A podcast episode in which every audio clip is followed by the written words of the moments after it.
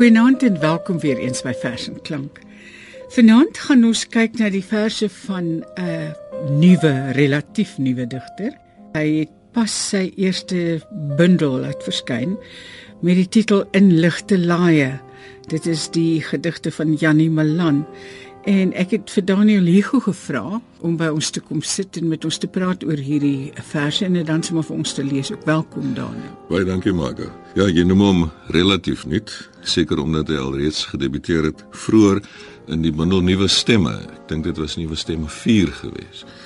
En uh, hy is een van daardie digters wat lank gewag het voordat hy met 'n eie bundel debuteer en dus ook 'n baie sterk bundel het. Dink ek dit is een van die sterkste debiete wat die afgelope tyd in Afrikaans verskyn het. Janie is al so rondom 40 as ek dit nie verkeerd het nie. En uh een van sy gedigte wat alreeds in Nuwe Stemme 4 verskyn het, staan ook hier in hierdie bundel. Dit gaan oor sy pa, hy en sy pa wat met 'n kanoe uitry op die strandmeer daar by Langebaan. En dit is 'n baie mooi gedig, selfs ontroerend sou ek sê. Die titel is dan ook Roer. Vroegoggend ry ek en hy met die bakkie af na die lagoon. Ek in die passasierssitplek met die aluminiumfles wat van een voet na die ander rol. Die digte mis doemskielik op. Katie Maloa en 'n swart wou op 'n telefoondraad. Ons lig die dubbelsee kajak van die dakrak en loods dit langs die kaai. Roei uit in die rigting van die Voeleiland, dan links langs die oewer om en uit tot in die diep water. Die man wat ek pa noem, lig sy spaan en rus dit met 'n klopklank op die boeg. Hier is net die ligte klots van golfies teen die veselglas romp en die kweel van meeuwe dobberend op die duining. Met sy oë op die horison praat hy vir die eerste keer in 35 jaar onder sy hoedrand se skadu uit oor die verlede terwyl ek deur bitter ore en geklemde kneukels konsentreer om my roeispaan teen die dolpen te balanseer en in die verbygaan let hoe elke sonstraal wat deur 'n druppel van die spaanblad reflekteer die troebel oppervlak alleen maar vlak weg penetreer. Dis inderdaad aangrypend. Het jy enige idee hoekom hy so lank gewag het voor hy hierdie bundel laat verskyn het? Hy is waarskynlik 'n perfeksionis. Hy wou die gedigte almal goed afrond en hy wou 'n stewige bundel die lig laat sien. Die bundel is uh, baie goed gestruktureer in verskillende afdelings en hy noem dit dan fotoalbum, notaboek, dagboek, reisjoernaal en register. En dan voor in die boek verduidelik hy wat hierdie afdelings behels. Miskien kan ek sommer daardie gedig lees want dit verklaar dan ook waar hy aan die idee kom van hierdie indeling vir sy bundel. Dit is gebaseer op die film van Peter Greenaway, The Pillow Book. Liewe leser, kyk uit my laaie stuur ek vir jou soos die meisie in Greenaway se film vyf boeke op die lyf geskryf. 1 'n fotoalbum se terugblik teen die agterkant van die ooglede. 2 'n notaboek van die alledaagse regs op die ribbes ingeets. 3 'n dagboek van stilte en geheime kripties op die tong.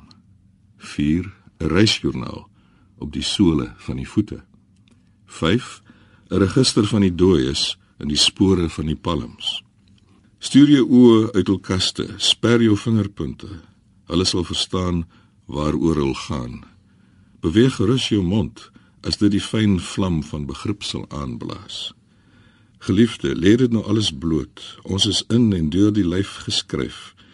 En alles in die seisoen net die vel van belang moet jy dieper vat. En in hierdie gedig word die bundel se titel dan ook eintlik verklaar in ligte laaie. Dit is die laaie van die herinnering wat jy ooptrek en al die dinge daar uithaal soos fotoalbums en notaboeke en dagboeke. Maar in ligte laaie beteken ek ook om aan die brand te wees, om in vlamme te staan en dit dui dan veral ook op die liefdesgedigte in die bundel. Is interessant dat die liefdesafdeling met die uh, titel dagboek is weer onderverdeel in vuur, vlam en as. Die verloop van die liefde. Dit was dit was die verloop van die liefde. Ja. Ek sien daarom die bundel is opgedra aan sy vrou. Verlin my skutblad teen die vuur. Nou 'n skutblad is maar van papier, so dit is nie veel van 'n beskerming teen die vuur nie. Dit is dan tipies ook van Janie Malan se ironiese kyk na die wêreld. Hy sien altyd die vreemde en dikwels ook die humoristiese daarin raak. Die gedig wat ek gelees het, roer oor hom en sy pa wat uitroei in die kanoe daar op die Langebaan se strandmeer, staan in die eerste afdeling van die bundel wat handel oor sy familie en jeugherinneringe. Dit is die afdeling fotoalbum. Mm. En daarin staan ook die gedig Ikaros en is van belang om te weet dat sy pa was 'n vlieënier gewees in die lugmag. Ikaros. Ongeveer 5 in 'n foto uit kleintyd staan hy in die voortuin met sy pa se vlieguitrusting aan. Net twee helderblou oogies en 'n streepsel blonde kuif steek bo die suurstofmasker uit met 'n kop wat bobblehead styer aan die oorgroot silwer helm. Sy ouers vertel glimlaggend hoeveel maal hy in die mondering tussen die dakbalke op die agterstoep tot op die nok van 'n huis se dak geklim het. Min wetend hoe hy reeds toe daar tussen hemel en aarde met sy asem benoud in sy ore kon verstaan hoe ons almal eindelik alleen word. Hoe ver onder ons voete en die geutrand mense aanhou beweeg en gras maak. En ons elkeen agterbly in 'n voorstad op 'n dak van skurwe teel om die wêreld te betrag deur 'n gekraakte vliegbril wat die son in twee verdeel.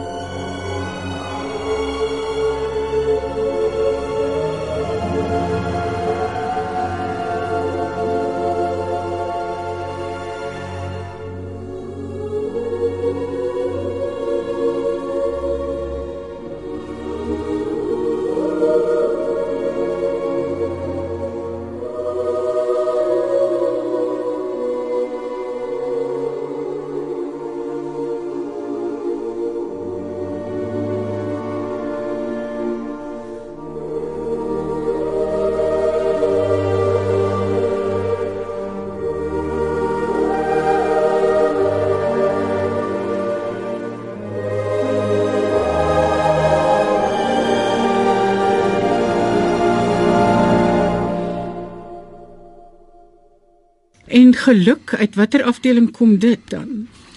Ja, die gedig geluk kom uit eh, 'n uh, volgende afdeling. Dit is die afdeling notaboek en dan volgens die programgedig voorin is dit dan 'n notaboek van die alledaagse regs op die ribbes ingeets. En dan geluk, tweede nuwe jaar klink die klompie kinderklopse se blaasorkes hartsag soos klanke in die Weskus wind kom en gaan As ek en jy afstap na die voorstrand verby die laatkuierligte van restaurante tot op die donker sand. Ons kyk skouer aan skouer hoe kinders Chinese lanterns die lug instuur. Oud en jonk beur in treie en baadjies. Hulle blosende gesigte opgewonde na bo gerig, waar 'n wenteltrap lanterns eers tydsaam en dan al hoe haastiger die nag invaar. Oranje reddingsbootjies wat wegdryf van 'n sinkende maan. Hierdie gedig speel dan ook langs die Weskus af en heel waarskynlik uh, Paternoster, want daar is 'n voorstrand by Paternoster. Ja, Janie Malanne in sy bundel 'n ligte laaie bewys dit hy uit die mees alledaagse dinge 'n boeiende gedig kan skep. En hierdie gedig, Art Nouveau, is dan eintlik 'n soort kunstenaars credo. Vroeger het ons kunsfilms verslind en na die tyd ook cappuccinos ons verwondering bely oor hoe die draaiboekskrywers die gewone so moeiteloos en kunstig tot films kon verwerk en hoe die mees alledaagse dinge 'n verhouding, familie, kinders grootmaak, kos kook, vriendskap iets van die kuns se onverganklike kon kry. Nou midde in daardie wêreld waar die stof vir avant-garde regisseurs sal word, besef ek verboureerd al meer dat hier die onderskrifte kort. Hm. So die alledaagse is eintlik onverstaanbaar en om 'n gedig daaroor te skryf of om 'n film daaroor te maak is 'n manier om dit te probeer verstaan, om die geheim daarvan te ontrafel. Ek het 'n huisie by die see. Ja. Ek het gesê dat Janie Malan het 'n soort ironiese kyk na die wêreld en hierdie gedig kom dit baie duidelik na vore want hier herskryf hy 'n baie bekende gedig van F.A. Fagan wat getoon het is deur Lorinda Hofmeyer en bekend gemaak is deur Lorika Raug. Ek het 'n huisie by die see en uh, mense sal nou kan sien hier sê aweregse humor. Hy noem dit nie dieselfde nie. Nee, hy noem dit kom nag. Fagan het ene en Koos reken almal wil een hê. Maar ek en ander het nie 'n huisie by die see nie. Dit is net die voorreg van ryk uitlanders of afgetrede apartheidsgeneraals. My huisie sit meer binnelandse kant toe, aan die rand, en slegs hittegolwe sal hier slaan. Tog, in my skottelbraai brand 'n vuurtjie teen buitensporige tariewe. Gee my kersie lig. Koerantkoppe kom ruk aan my ruite en oor die radio ruise kreun op die TV loei 'n klag. Knap bo die nok bou wolke aan 'n storm. Dig hier binne is ons veilig vannag. Kom sterk skemer, kom die maan, Dolomiet is waarop my huisie staan. Die volgende gedig is Stil aande. Dit kom ook uit die afdeling Notaboek, dis die kortste gedig in die bundel. Op stil aande breek die prieel die bleek bord van die maan in 'n duisend splinters oral teen die stoep. En ek en jy moet met ons kaalvoetsinne suetjies trap om nie die siel se sagte sole teen skadu skerwe oop te sny nie.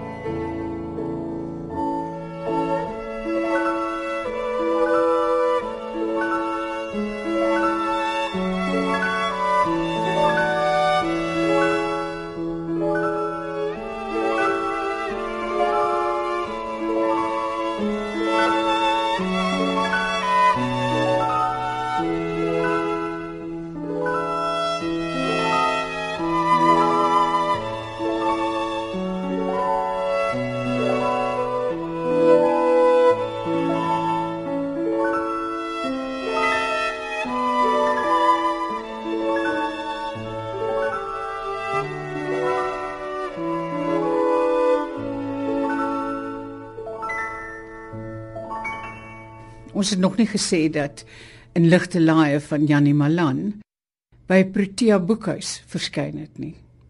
Ja, inderdaad. En nou een of twee gedigte uit die afdeling met liefdesgedigte, dagboek. En die eerste een wat ek daar wil lees is oorboord. As oor die duining van die nag onder die deken van 'n droom my hande onbewusteloos in jou hare strengel, word jou vlegsel 'n dik rooi tou waarom my vingers net net klou. Ek is 'n drenkeling. Jou lyf is skuitjie met 'n smal wit laken vir 'n seil. Ons dryf oor golwe, water waarop ek vroeër vir jou wou loop, maar nou skaars my ken omhoog kan hou. Tog sleur jy my mee met ribbe, takelwerk en boeg tot op die droë sand van nog 'n onverkende oggend uitgespoeg. Dis 'n baie mooi liefdesgedig. Dit is ja, en ek hou veral van die volgehoue metafoor. Ja. Die see metafoor in die boot. Boot en die seil, ja. ja. Nog 'n liefdesgedig. Ja, nog 'n liefdesgedig. Dit gaan nie altyd ewe goed met die liefde nie. Dit sê die onderafdelings van die liefdesafdeling: vuur, vlam, as. As. Bestem. In die ry terwyl ek oorleun om die GPS uit die paneelkussie te haal en ons bestemming satelliet sekuur te bepaal, skuur die agterkant van my hand byna teen jou gesykousde knie. Hoe koud is die kajuit skielik. Want as ek nou aan jou raak, sal iets in my losstorring, sal ek rafel soos 'n trui om en om, steek vir steek tot ek net 'n hoopie wol aan jou mooi voete agterbly. Ek staar dus eerder pad langs deur die ruit en wag vir die pedante vroue stem om te berig recalculate. Dis 'n wonderlike gedig. Dis 'n wonderlike gedig. Ja, en hier in die volgende gedig het die liefde nou dieptepunt bereik, lyk dit my. Is een van die sterkste en ontstellendste gedigte in die bundel. Tief. Met stukkende pote het 'n weghol hond by ons voordeur opgedaag. 'n Swerende skaafplek om die nek van 'n draad of tou wat haar op hok moes hou. Hoe lank draf ek uit tong agter die reuk van jou herinnering? Loop ek my pote teen jou teerpad stukkend stomp, draad klemmend om my strot. In my hart se agterplase, tussen stapels opgehoopte skroot aan flenterige kettinge, maak ek pitbull terriers naglank groot. Inderdaad, is nou by die as. Dit is oor die as deel, ja. ja. maar dan uh, verlaat ons nou die liefdesafdeling en ons gaan oor na die reisafdeling. Dis die vierde afdeling van Janie Malan se bundel in ligte laaie. En hier is dan nou eintlik weer 'n liefdesgedig. Die geliefde is nou afwesig want hy is op reis. Watermerk. Ek trek jou na in 4B potlood en grafiet. Met die wegpak van die sketsboek vee my palm per ongeluk 'n skaduvlek deur jou. In my New York se hotel badkamer trek ek jou naam met 'n vingerpunt in 'n toegestoomde spieël. Los druppels konvergeer en loop 'n traan deur jou. Ek trek jou na teen 'n wasemvlek in 'n grou Schiphol terminaal. Oor laalande styg 'n vliegtuig wolkwaarts deur jou op. Met die oë op skreefies trek ek jou na langs my kar op 'n bult net buite Moreesburg. Wywende groen koring word jou hare, roemvuil varkore beset jou oë. Ek trek jou na om 'n vrou met 'n latte in 'n kafeetjie in Milaan wat opstaan in my rigting frons en deur jou buitelyn weggaan. Ek trek jou na in die kantlyn van 'n bundel. In jou wange is die woorde dis altyd jy, net altyd jy getatoeëer. Ek trek jou nader want jy is slegs die wysiging van 'n invalshoek, 'n geduldige watermerk wat wag net op die reg lê van die lig. Ek dink hy moet 'n wonderlike geliefde wees. Daardie woorde wat nou op die geliefde se wange getatoeëer is, dis altyd jy, net altyd jy, is hmm. natuurlik van NP van Wyk Lou. En dan die laaste gedig in Janie Malan se bundel in ligte laaie. Dit is dan ook die titel van die gedig. In die knus piazza van die ineengehurkte hotelletjie in Rome wat eers 'n klooster was, sit ek die oggend in inwag met 'n selfoon sonder ontvangs. In al vier rigtings teen die mure rondom my klim dooie rankplante op na vensterreëlings en 'n vierkantige sterre fresko met dakrande omraam. Agt lemoenbome buig oor my en vreemde voëls roep uit die rigting van die Tiber. Iewers naby begin klokke byer.